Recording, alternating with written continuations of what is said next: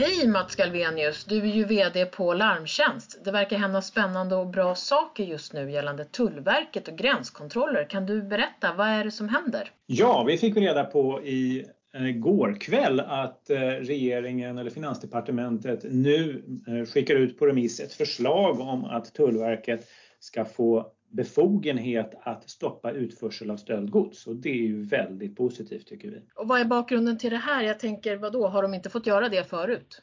Nej, det är något som eh, Tullverket inte har fått göra tidigare. Smugglingslagen är det som reglerar vad tullen får göra och när det gäller införsel av gods så har tullen väldigt långtgående befogenheter. Men när det gäller utförsel av gods då är det bara ett litet, litet antal säga, produkter som man har möjlighet att stoppa och då är det egentligen utförsel av konstskatter, Eh, det är vissa vapen, det är barnpornografi till exempel. Och det gör ju att tullen lägger i stort sett inga resurser alls på eh, utförselkontroller. Det gör man bara om man har ett tydligt tips på att någon av de här kategorierna jag just sa finns någonstans. Då kan man göra det. Men man gör inga regelmässiga utförselkontroller av något slag. För skulle man hitta stöldgods på väg ut ur landet, och det händer då och då, alltså att man ser, här kommer en bil med väldigt många båtmotorer, det verkar lite misstänkt. Då har man varit tvungen att ringa till polisen och polisen hinner ju sällan till platsen innan exempelvis färjan har gått. Eh, och då, har, ja, då, kan polis, då kan tullen inte göra någonting. De kan bara vinka och säga hej då åt båtmotorerna. Och vad innebär det här nya uppdraget eller vad kallar man det för? Förslaget är att man ska ändra i smugglingslagen så att utförsel av stöldgods blir, eh, alltså, betraktas som, som smuggling.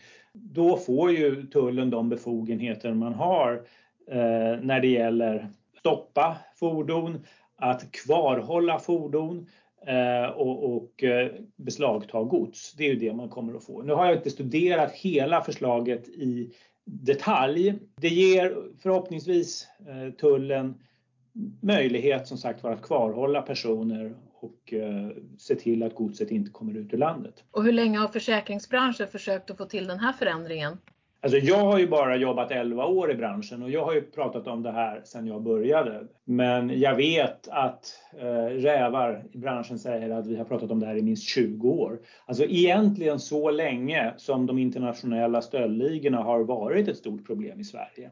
De internationella stöldligorna de kommer ju österifrån och det är, var ju i stort sett när eh, muren revs eh, som de började så smått komma hit eh, stjäla bilar, bostadsinbrott och annat. Och sen har det där bara eskalerat och det har blivit mer och mer organiserat. Och nu är det extremt väloljade maffiaorganisationer långt österut som ägnar sig åt den här typen av brottslighet. Och vad är det de stjäl och vad är det de tar och vad är det de gör?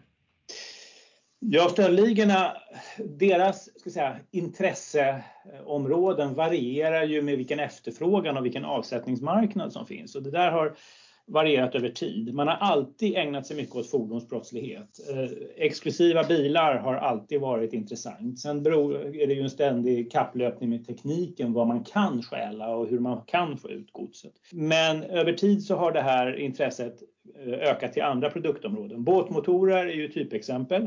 Senare år har haft jätteproblem med eh, bildelsstölder. Alltså man slaktar bilar. Istället för att föra ut hela bilarna så tar man vissa delar och då kan det ju vara airbags, eh, det kan vara strålkastare, det kan vara navigationsutrustning och på senare tid så är det katalysatorer för då stjäl man katalysatorerna för att få med sig metallvärdet, det är ju dyra metaller i de här.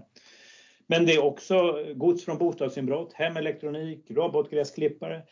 Det kan vara vattenskotrar. Eh, jättepopulärt under senare år har varit handverktyg från eh, hantverkarbilar och från byggarbetsplatser.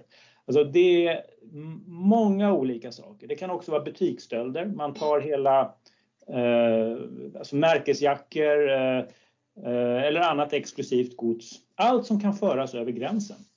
Och hur mycket pengar pratar vi om här? Har vi någon uppskattning? Ja, det har vi. Totalt så skäls det ju för ungefär 3 miljarder kronor om året försäkrat gods eh, i Sverige. Och vi från, från Larmtjänsts sida så ser vi ju var man hittar gods.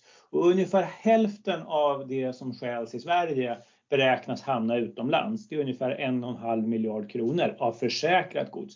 Sen är det mycket gods som är oförsäkrat, inte minst till exempel från byggarbetsplatser eller från butiker. Eh, då är det inte alls säkert att det finns försäkring. Så det är, det är, när jag säger en och en halv miljard som förs över gränserna varje år så är det antagligen en, en underskattning. Jag ska säga, andelen som förs utomlands varierar mellan olika kategorier av gods. När det gäller bostadsinbrott då säger man att då kanske det är ungefär hälften som förs utomlands. När det gäller båtmotorer, då är det ja, mer än 90 procent. I stort sett alla stulna båtmotorer som hittas igen, de hittas österut Polen, Litauen, Ryssland, Ukraina och så vidare. Det är där, och Rumänien. Senast hittade, hade vi ett jättebeslag i Rumänien med 51 stulna båtmotorer. Det är där godset hamnar. Och vad var det som gjorde att det nu helt plötsligt går åt rätt håll som vi uppfattar det? Ja, det, ju, det kan man ju bara spekulera i. Som jag sagt, vi har ju tjatat om det här i 20 års tid jag har varit i riksdagen själv två gånger och pratat om det här och det har varit helt fascinerande därför att då har vi ju träffat folk från samtliga riksdagspartier och alla riksdagsledamöter jag har pratat med har ju varit helt förvånade över att tullen inte har haft det här mandatet. De har ju tyckt att det har varit en självklarhet och det ska vi ordna med en gång. Ändå har det tagit så lång tid att få igenom en förändring. Det tycker jag är anmärkningsvärt. Jag tror att Problemet med de internationella stöldligorna nu har blivit så stort och uppenbart och det får så stor påverkan på tryggheten att regeringen inser att någonting måste göras. Och det har ju även funnits visst motstånd inifrån Tullverket har jag förstått därför att man, man har känt att man vill inte ta på sig mer eh, uppdrag om man inte får mer resurser. Det är klart, ska man börja med utförselkontroller i större skala, då måste man ju ha mer personer på plats. Och det tycker jag vore en väldigt god investering för att höja tröskelvärdet för internationella stöldligorna. Så att både ge tullen befogenheter men också mer resurser. Jag är ganska engagerade följare på Facebook på Stöldtipset. Och eh, där har man då sagt, kan det vara någon i regeringen eller riksdagen som har fått en båt eller så stulen i sommar?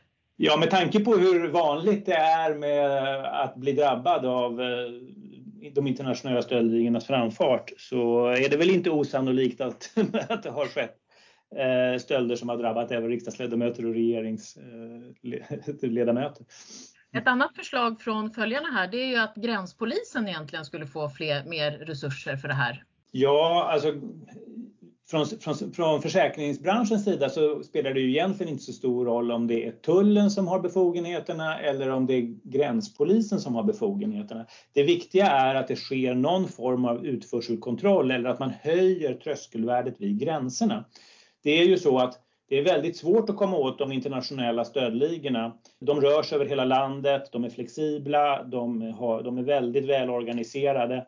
Men den svaga punkten för dem är att de måste föra ut godset och det är ungefär en, ja, ett tiotal platser i landet de, som det måste passera. Det är Öresundsbron och det är ett tiotal hamnar och så kanske det är Haparanda. Det är där allt gods eh, passerar. Och då är det ju där man måste sätta in resurserna för att få stopp på dem. Då kan man göra det med antingen med tullen som redan är på plats, det är det vi säger. Det, det, det vore, tycker vi, det effektivaste. Men självklart, man kan tänka sig att man sätter poliser på plats där också. Men då får man ju dubbelbemanning. Eh, på vissa av de större gränspassagerna kanske det är värt att ha både polis och tull på plats.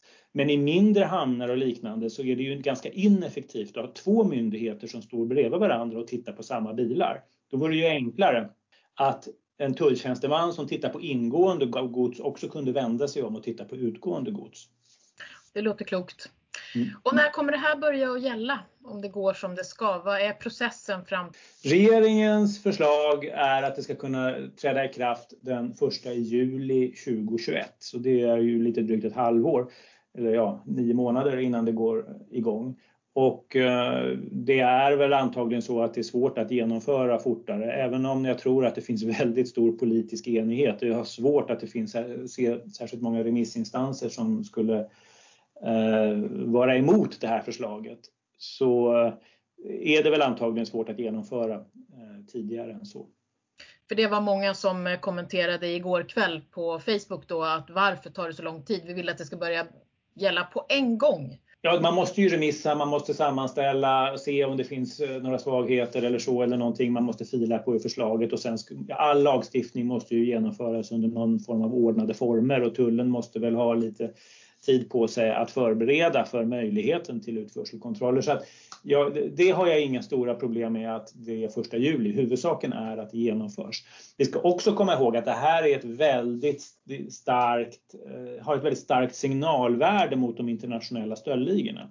För vi ser att de internationella stöldligorna är väldigt lättrörliga. När det blir lite svårare i ett land, då går de vidare till ett annat land. Så att jag tror att bara upptäcktsrisken ökar i Sverige så kommer det att få dem att börja fundera på om de ska gå någon annanstans. Jag har ett exempel, ett alldeles färskt exempel. Jag såg statistik i morse från Finland. Där har nämligen bostadsinbrotten ökat med 11% under årets första nio månader. Och I Sverige har det minskat kraftigt. Och I Sverige har det minskat, tror vi, beroende på att folk har varit hemma, det har varit hemarbete. Och det har varit stängda gränser så det har varit svårt för de internationella eh, stöldligorna att ta komma in i landet och föra ut gods ur landet. Och det tror vi har haft väldigt positiv påverkan på bostadsinbrotten. Men då kan man ju fråga sig varför har det, då, eh, har det då ökat i Finland? Jag har precis skickat en fråga till mina finska kollegor. De har ju också haft hemarbete. Däremot, så det, kan, det är en hypotes, jag vet inte, det här får man ju fundera på. Men eftersom man har haft relativt öppna gränser mellan Finland och söderut mot Estland, Lettland, Litauen att de internationella stöldligorna har omorganiserat och istället gått dit det har varit enklast att ta sig. Och det visar hur snabbfotade de är. De ändrar fokusområden. Och när tror du att vi ser en effekt av det här efter den första juli då? Det är svårt, alltså förhoppningsvis ser vi det omedelbart efter första juli, men det beror ju också på hur det här genomförs i praktiken. Det måste ju faktiskt bli så att man också inte bara har befogenheten utan man också börjar titta. Annars så får vi ju ingen effekt. Men i, i praktiken borde vi kunna få ganska god effekt eh, redan från nästa sommar. Men det är ju inte den enda eh, parametern för att lyckas mot de internationella stöldligorna. Vi har ju, det är ju mycket som behöver eh, fungera. En väldigt viktig sak är ju att tullen måste ju faktiskt kunna bedöma vad som är stöldgods. Bara för att någon kommer med åtta båtmotorer så kan man ju inte med säkerhet säga att det är stöldgods. De kan ju ha köpt de åtta båtmotorerna. Ofta har man ju kanske fejkade kvitton eller någon annan dokumentation som ska visa eh, att, man har, att man är rättmätig ägare. Här måste ju tullen upparbeta, precis som polisen har behövt göra, kanaler för att snabbt få information om hur man identifierar stöldgods och kopplar det till ett brott. Och det där är ganska svårt kan jag säga. Och det här har ju bland annat kontakter med oss på Larmtjänst en stor betydelse. Tullen måste veta hur, vem de ska ringa för att snabbt kunna koppla eh, godset till ett brott och liksom vilken information man behöver för detta. Men vi står redo. Ja, det är ju en av våra viktigaste uppgifter eh, på Larmtjänst att kunna tillhandahålla den informationen till myndigheterna. Men eh, självklart, när tullen har möjlighet att stoppa bilen innan den åker på färjan, kvarhålla den, då får man ju tid att göra den här utredningen. Eh, så det är ju jättepositivt. Vad händer då ifall tullen eh, beslagtar de här? Vad händer sen? Ja, nu har inte jag läst förslaget i sin helhet. Eh, jag, så jag måste grotta ner mig i vilka ska säga, befogenheter tullen kommer att ha vad gäller utredning eller om man kommer att överföra utredningen till polisen som sen genomför förundersökning och ser till att Eh, att, det, att det här så småningom hamnar hos eh, att personerna blir lagförda. Men en väldigt viktig faktor för att komma till rätta med de internationella stöldligorna i Sverige det är att hela rättsväsendet, och nu pratar jag om inte minst åklagare och domstolar, värderar den organ, att det är organiserad brottslighet. Att man inte bara tittar på varje enskilt gods som man kanske den här individen eh, har just vid det här tillfället utan man försöker koppla individen till alla de brottstillfällen eh, eller man försöker koppla den till så många brottstillfällen som möjligt så att man får upp eh, straffvärdet så att det blir grov, grov stöld eller grovt häleri. Där har vi varit väldigt dåliga i Sverige på det.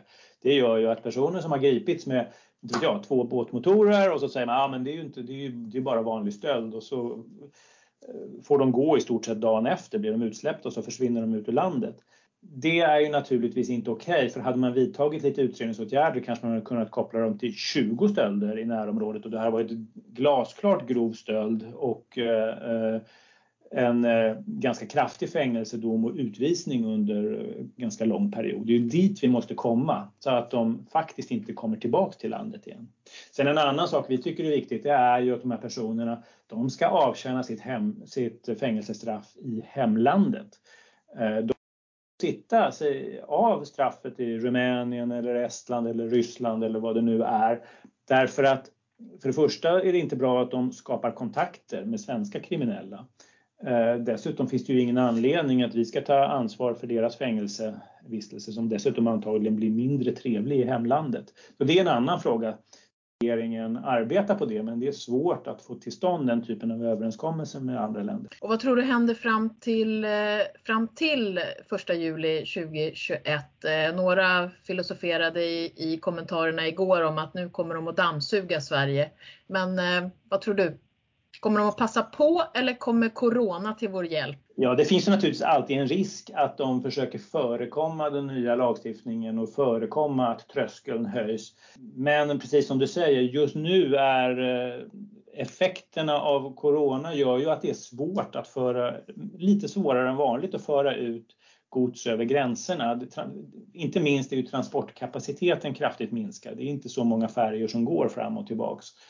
Eh, och man, blir, man syns mer när det inte är så stort passagerarflöde. Så att man syns, syns mer både i inresa och utresa. Och det tror jag har en ganska stor effekt kortsiktigt på de internationella stöldligornas agerande. Men ehm, och, här har jag också bara lite spekulationer. Vi har ju sett det här med bildelsstölderna. De har ju i och för sig gått upp lite under hösten men, men de har legat på hyggligt låg nivå vad gäller de traditionella bildelsstölderna medan katalysatorstölderna har stuckit iväg rejält. Och där tror jag att det kan ju hända att man har avsättning i Sverige. Man kan helt enkelt smälta ner godset, det är ju bara metall man är ute efter, och smälta ner det i Sverige och sälja det. Det är enklare att göra sig av med det lokalt. Så att ligorna är smarta, de eh, anpassar sig hela tiden. Det är svårt att säga om hur, hur, vad vi får för effekt men eh, på lång sikt är jag övertygad om att det här är väldigt positivt. Du har lyssnat till Larmtjänstpodden, en podd från Larmtjänst, en branschorganisation för sakförsäkringsbolagen med syfte att bekämpa försäkringsrelaterad brottslighet. Du har hört Mats Galvenius och jag, Ulrika Loob. Vi jobbar båda på Larmtjänst. Följ oss gärna i sociala medier, vi finns på de vanligaste plattformarna. Tack för att ni lyssnade. Vi hörs igen.